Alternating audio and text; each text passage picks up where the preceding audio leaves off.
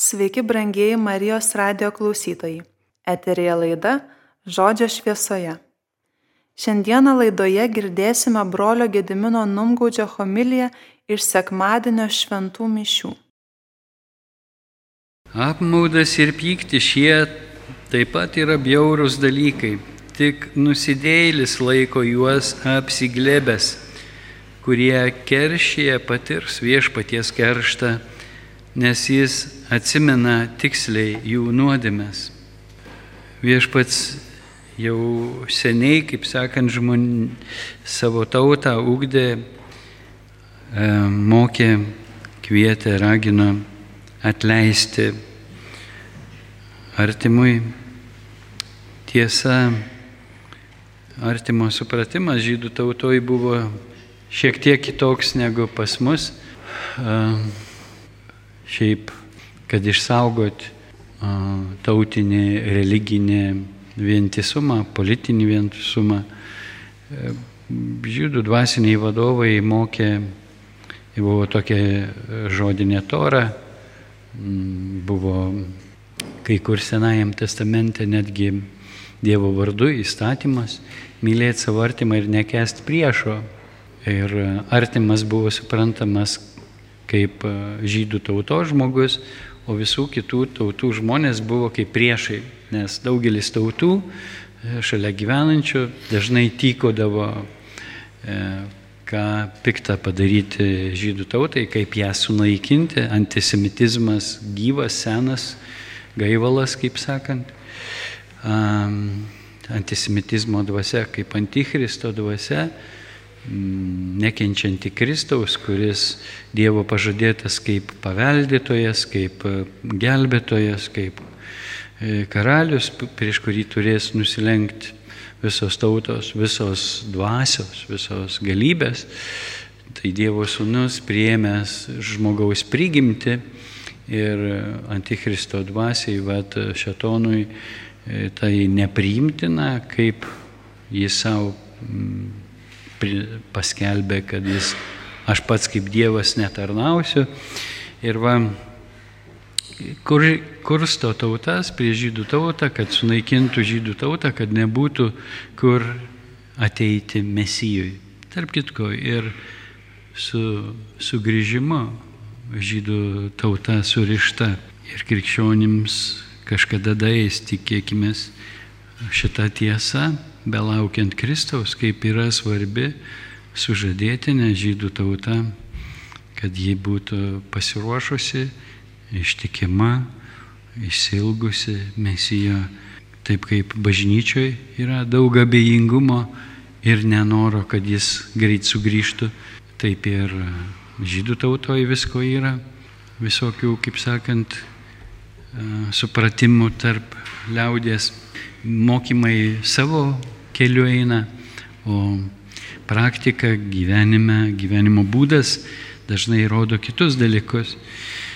Mes norim pagyventi savo dėl savęs ir esam patenkinti tuo, ką turim, kaip gyvenam ir be mesijo.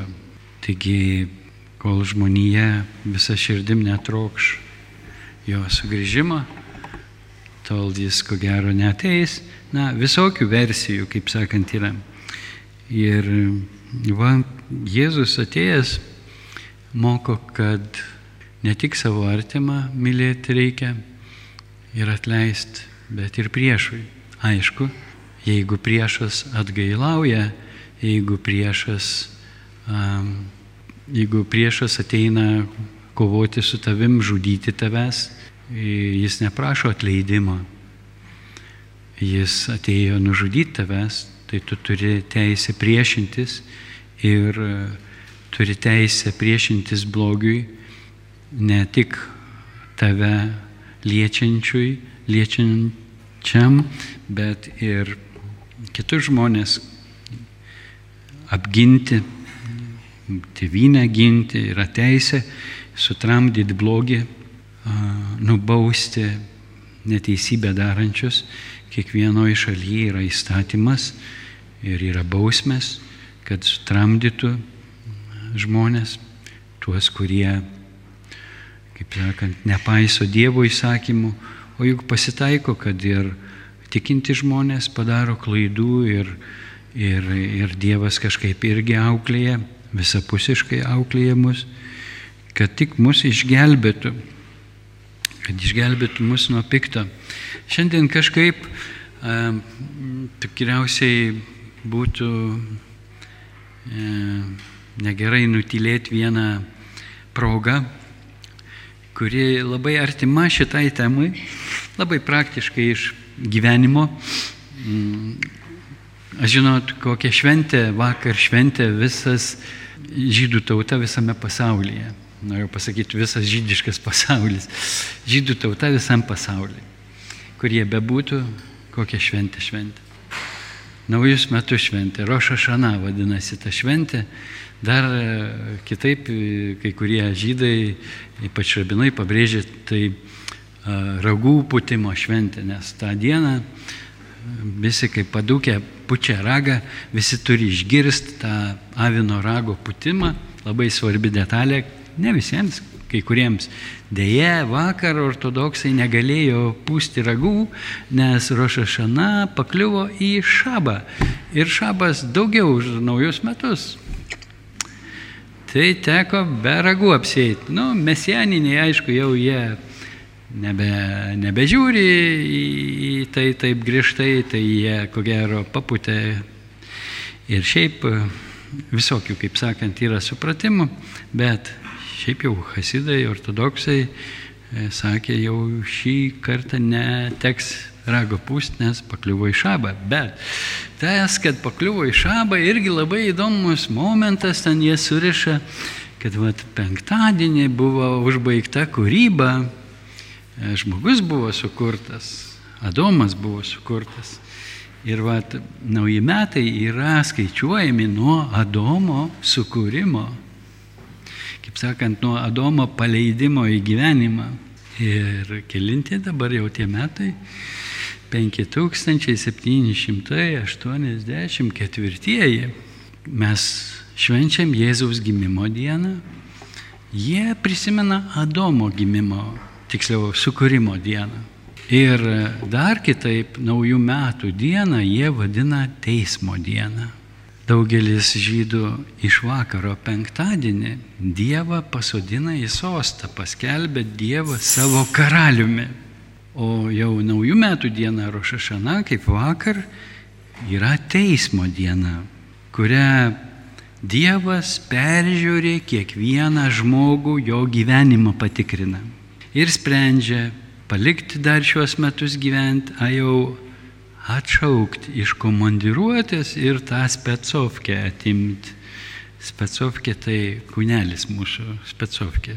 Vakar pasiklausiau vieną rabiną, jis taip pat kaip Paulius moderniai papasakoja.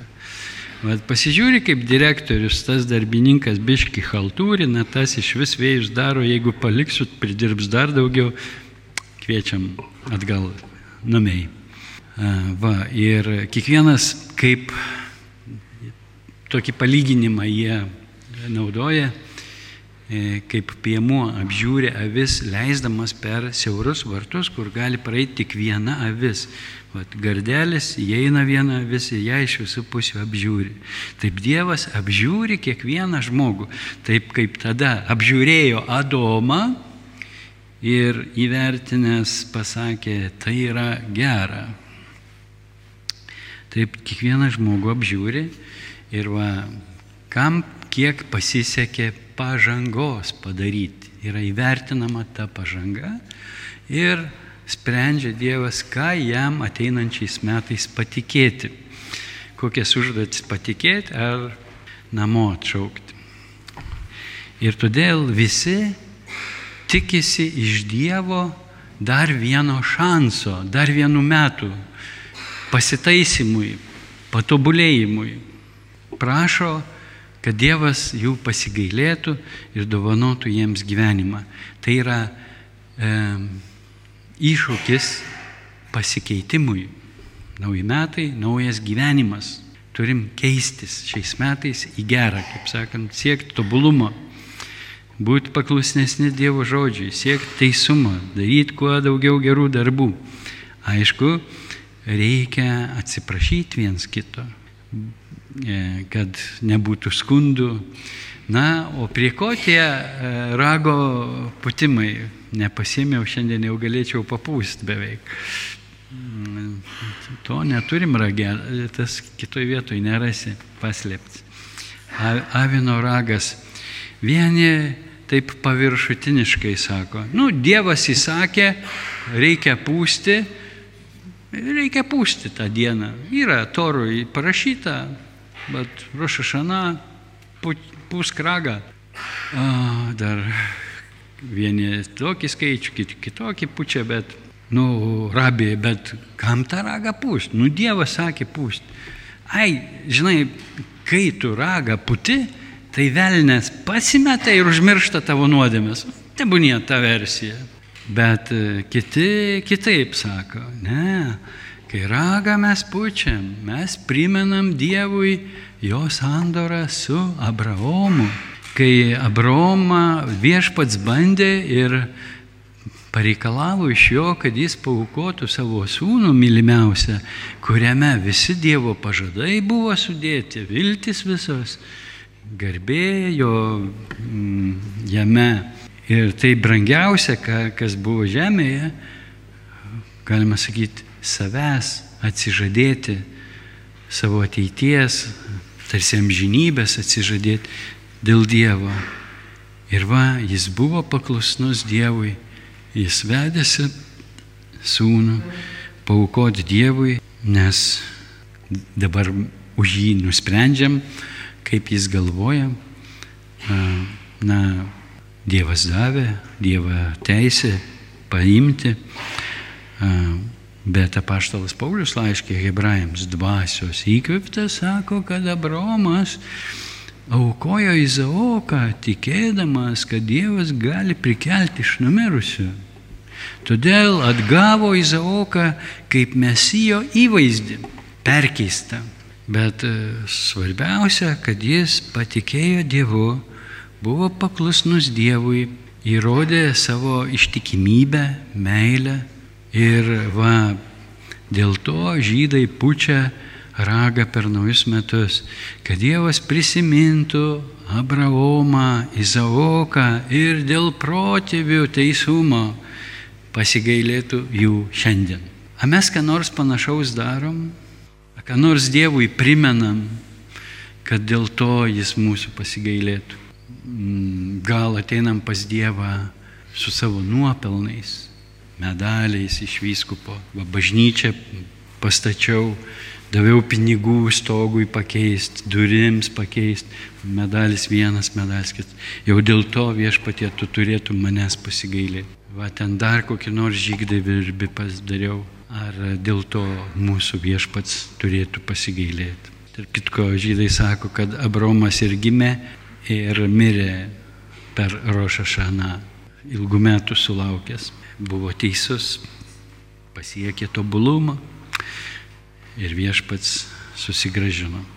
Noriu Jums priminti vieną failiuką iš mūsų kiekvienos savaitės tokio veiksmo. Žiūrėkit, ką mes darom per mišes.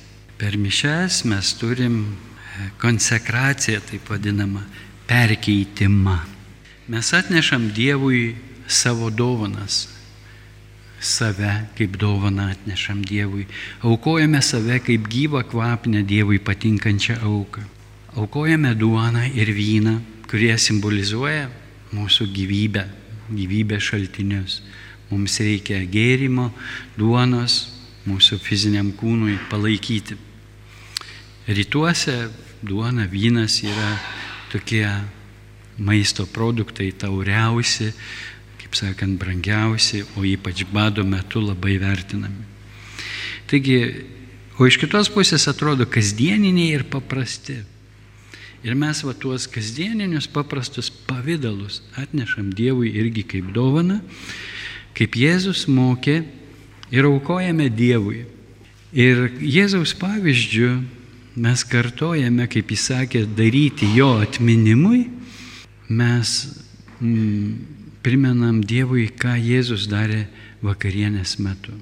Kaip jis save atidavė už mus. Iš vakaro atidavė save duonos ir vyno pavydale. Ir tie pavydalai simbolizuoja tą auką Golgotoje. Už mus atiduotas Jėzaus kūnas, atiduotas prikalti prie kryžiaus, paklusnus tėvui iki mirties kūnas. Ir Jėzaus kraujas iš jo kūno, iš perverto šono, ištekėjęs gyvybę atiduota už mus, kad mes gyventumėm. Ir va, kiekvienose mišiuose mes, aš kunigas, atstovauju Kristų, jums ir Dievui, beskambėtų kaip norit. Aš pakeliu ostiją ir sakau, Jėzaus žodžius kartoju. Tėvui primindamas, ką Jėzus padarė tos vakarienės metu. Paėmė duoną, laužė ir davė savo mokiniams tardamas, imkite ir valgykite jos visi, nes tai yra mano kūnas, kuris už jūs atiduodamas. Ir va tuo momentu aš rodau tėvui ir jūs visi matot. Ir jums tai yra priminimas kiekvieną savaitę, ką Dievas padarė dėl mūsų.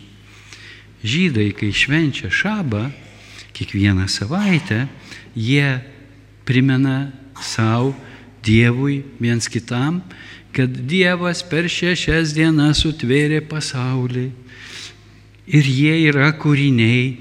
Ir Dievas septintą dieną ilsėjusi ir mums įsakė ilsėtis, švesti poilsį, tai yra šaba. Šabas yra poilsis, ne šeštadienis, bet poilsis. Tik tas poilsis pakliūna į mūsų šeštadienį, bet žodis šabas yra poilsis viešpatyje. Poilsio diena, švesi poilsį, septintą dieną. Šeštadienis žydams yra septintoji diena. Mums sekmadienis yra septintoji diena, o žydams yra jau pirmoji diena. Tai va, ir mes panašiai jų tradicijoje jau nebesutvėrimą primenam, bet atpirkimą primenam Dievui. Primenam savo, kad esame atpirkti brangę kainą, kad gyventume Dievo vaikų laisvę kad gyventume tikėjimu, kad gyventume meilę. Ir dėl to kūno atiduoto už mus Golgotoj, va viešpatie. Jėzus šlovina tave Golgotoj, pati aukščiausia šlovinimo forma paklusnumas Jėzaus Golgotoje ant kryžiaus atiduodant savo kūną, savo gyvybę.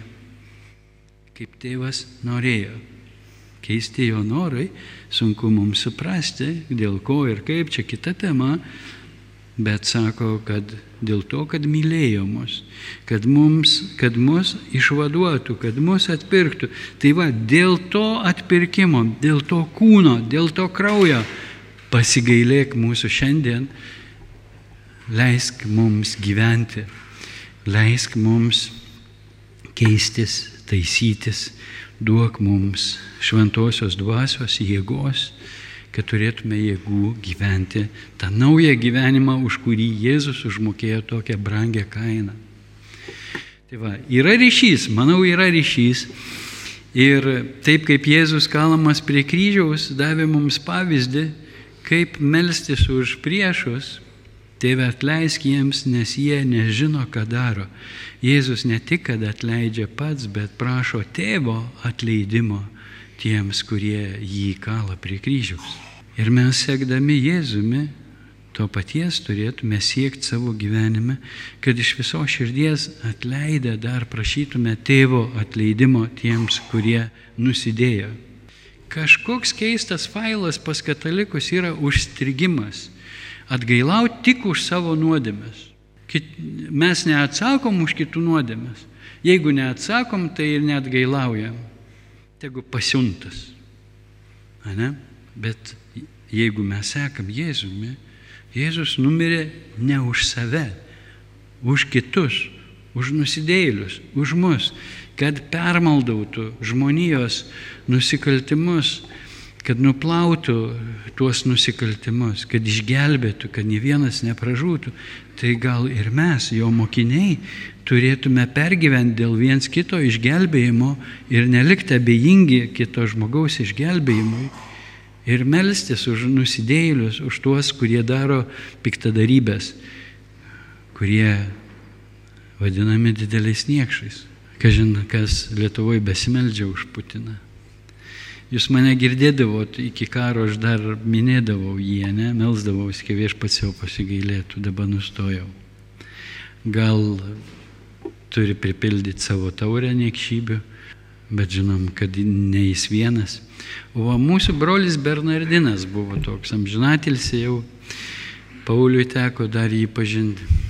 Tai jis pasakojo istoriją man kaip būdamas jaunas kunigas Romoje, esu jums pasakojęs jau, e, karui prasidėjus, broliai įėję į celę pas jį didžiai nustebę buvo, kai pamatė šalia kryžiaus du veidelius, dvi murzikės - Hitlerį ir Staliną. Ir sako, Bernardinai, tu meldiesi, ką veikia šitie du žvėris, tavo celiai prie to kryžiaus. Ir sakė, jie yra mano broliai ir yra didelėse bėdose. Jiems labiausiai visam pasaulyje iš visų žmonių labiausiai reikia Dievo pasigailėjimo ir malonės. Jie gali pridaryti labai daug niekšybių, todėl aš melžiuosi už juos, kad viešpats jų pasigailėtų. Žinot, tai išgelbėjo jo gyvybę vienu metu, kai e, Sikvietė jį Romos gestapo viršininkas ir e, pristatė Bernardinui skundą. Jį broliai išlydėjo, jau tikėjusi nebegrįž, nes paprastai iš gestapo niekas negryždavo.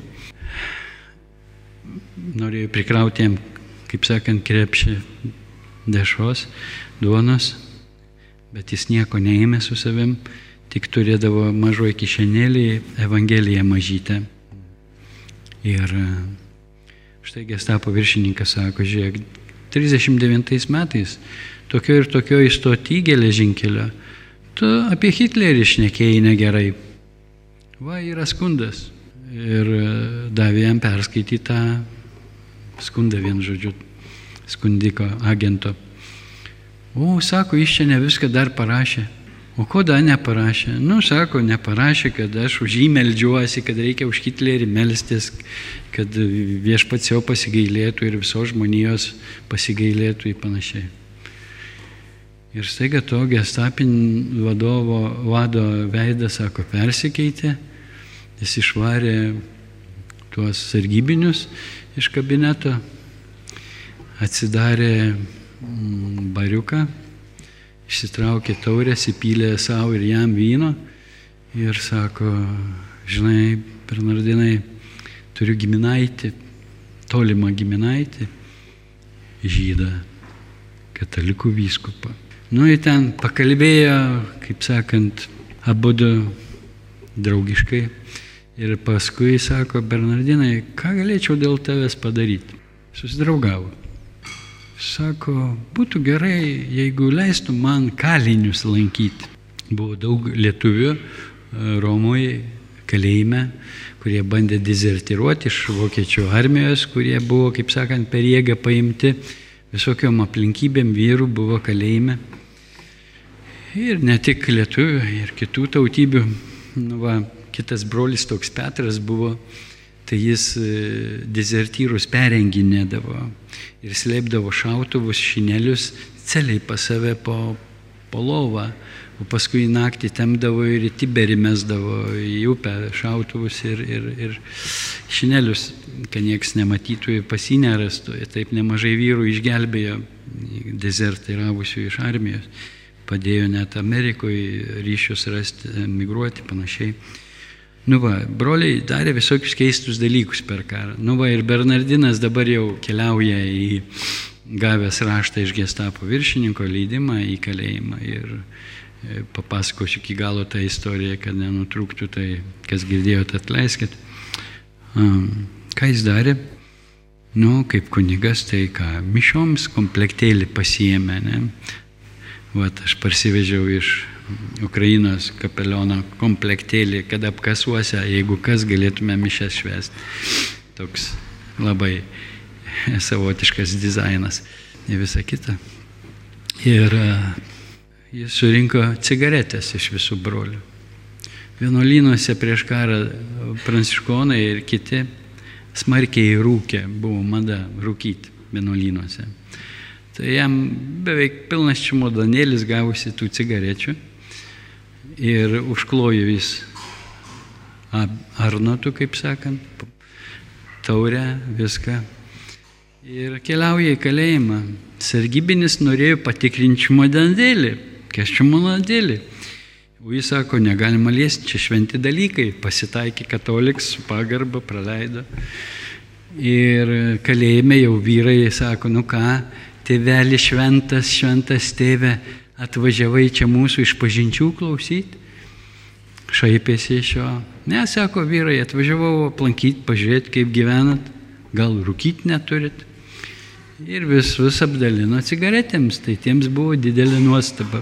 Neužilgo atėjo kalėdos, tai jis dar sugebėjo ir bačkėke vyno į karitėlę įsidėti, abitas platus viską paslėpia ir keliauja. Tai dar vinelio su vyrukais padarė, o kai vinelio padarė, tai širdelės visiškai, kaip sakant, pasidavė ir sakė, ilgai jis klausė jų išpažinčių, o paskui atšventė ir Euharistiją. Taip, taip jis vadovavosi savo mokytojui, kuris mokė, kad Evangelija ateina per pilvą. Pirmą reikia žmogų pamaitinti, sušildyti, o paskui skelbti Evangeliją. Kai jau susidraugauji ir pasitikėjimą įgauni. Kaip čia surišti dabar viską? su mūsų šios dienos Evangelija tema. Atrodo viskas paprasta, principas paprastas. Atleisk, kad tau būtų atleista. Meldžiamės tėvę mūsų maldą, atleisk mums tėvę, kaip mes atleidžiam savo kaltininkams. Jeigu mes neatleidžiam savo kaltininkams ir mums nebus atleista. Nes tada tie žodžiai virsta, neatleisk mums, kaip mes neatleidžiam. Bet suprantu, kad atleidimas yra nelengvas dalykas, tai yra mm, rimta šetono provokacija. Šetonas prieš mus smurtauja per kitus žmonės, kurie tampa jo įrankiais. O kartais mes nejaučiam, kaip patys tampame pasidavę provokacijai, tampame jo įrankiais ir smurtaujame prieš kitus žmonės. Ir tik paskui atsipeikėję apgailestaujam, kad kažką sužeidėm, kad kažką nuskriaudėm, pasikarščiavom, buvom patys suklaidinti, pasidavėm melui, neapykantai ir tai mūsų užvaldė. Ir tada kaip neblaivioj būsenoj, pykčio būsenoj mes padarom neteisingų dalykų įskaudinam kitus žmonės, keikiam kitus žmonės, šmeižiam kitus žmonės, niekinam. Ir per tai šetonas mus suraišioja.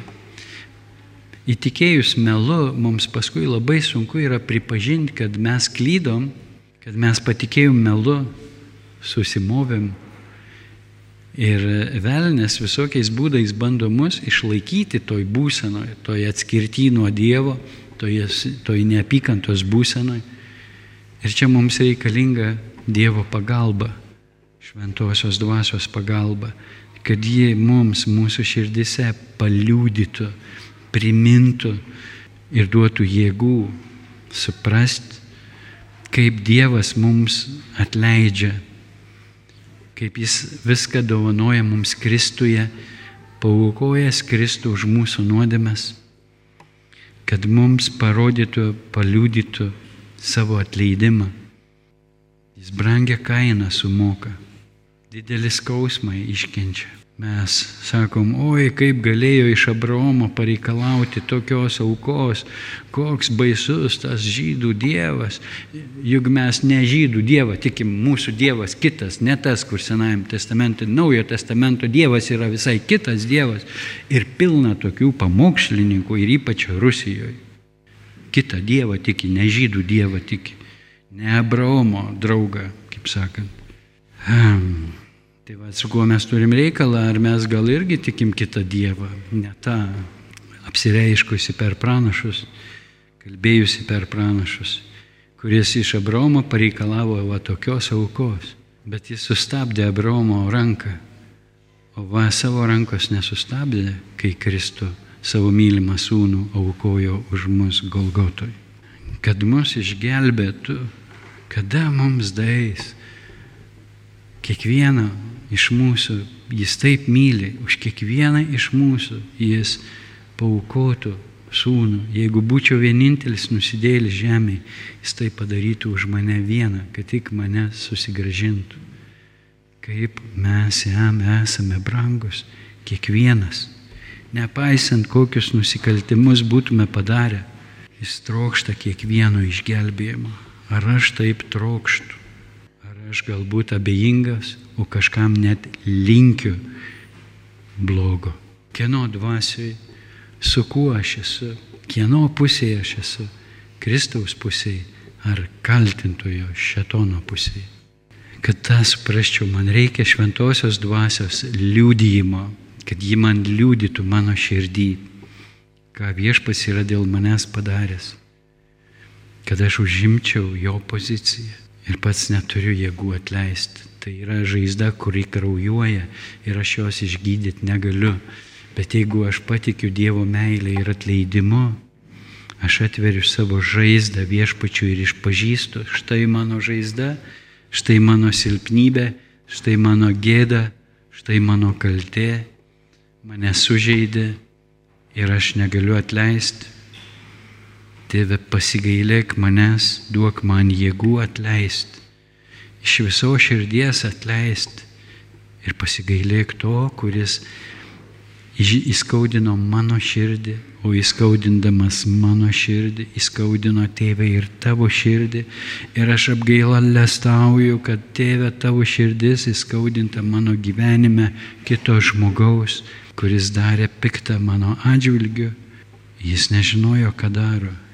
Jis buvo įsitikinęs, kad jis teisus galbūt, galbūt buvo apakintas demono, neblaivus, galbūt išsigandęs, išgazdintas. Tėve pasigailėk jo, atleisk jam jo kaltę ir suteik jam atgailos malonę, kad jis nepražūtų su šitą nuodėmę, bet ateitų pas tave, kad tu galėtum jam atleisti kad ateitų su atsiprašymu, su troškimu susitaikyti. Tai galbūt būtų teisingiausia Kristaus šviesoje, ko Kristus mus moko. Štai tarnai nuliūdo, kad tas, kuriam buvo dovanota, sutikęs savo draugą už žymiai mažesnis, galima sakyti, už menką skolą, 10 denarų 10 tūkstančių denarų, tai galbūt 10 tūkstančių dienų atlyginimas, ne? O tal, nu, jeigu pagal vynogyną skaičiuotume tokį minimumą, ne? Ai, denaras į valandą buvo pas šeimininką vynogyno. Nu, nu, nesvarbu, santykio mes čia dabar į dolerius ar eurus neišversim, bet e, principas didelė skola ir maža skola ir negailestingumas. Ir štai nuliūdę tarnai, draugai ateina ir pasiskundžia karaliui, kaip anas neteisingai pasielgė. Ir karalius užsirūstina. Viešpatie pasigailėk mūsų visų, padėk mums šiandien suprasti, ką tu nori mums pasakyti. Meldžiu viešpatie šventosios dvasios gale apšviesk mūsų savo meilę šviesa ir duok mums kiekvienam savo širdį atpažinti, kaip įskaudinta tavo meilė mūsų širdise, mūsų ir kitų žmonių nuodėmę.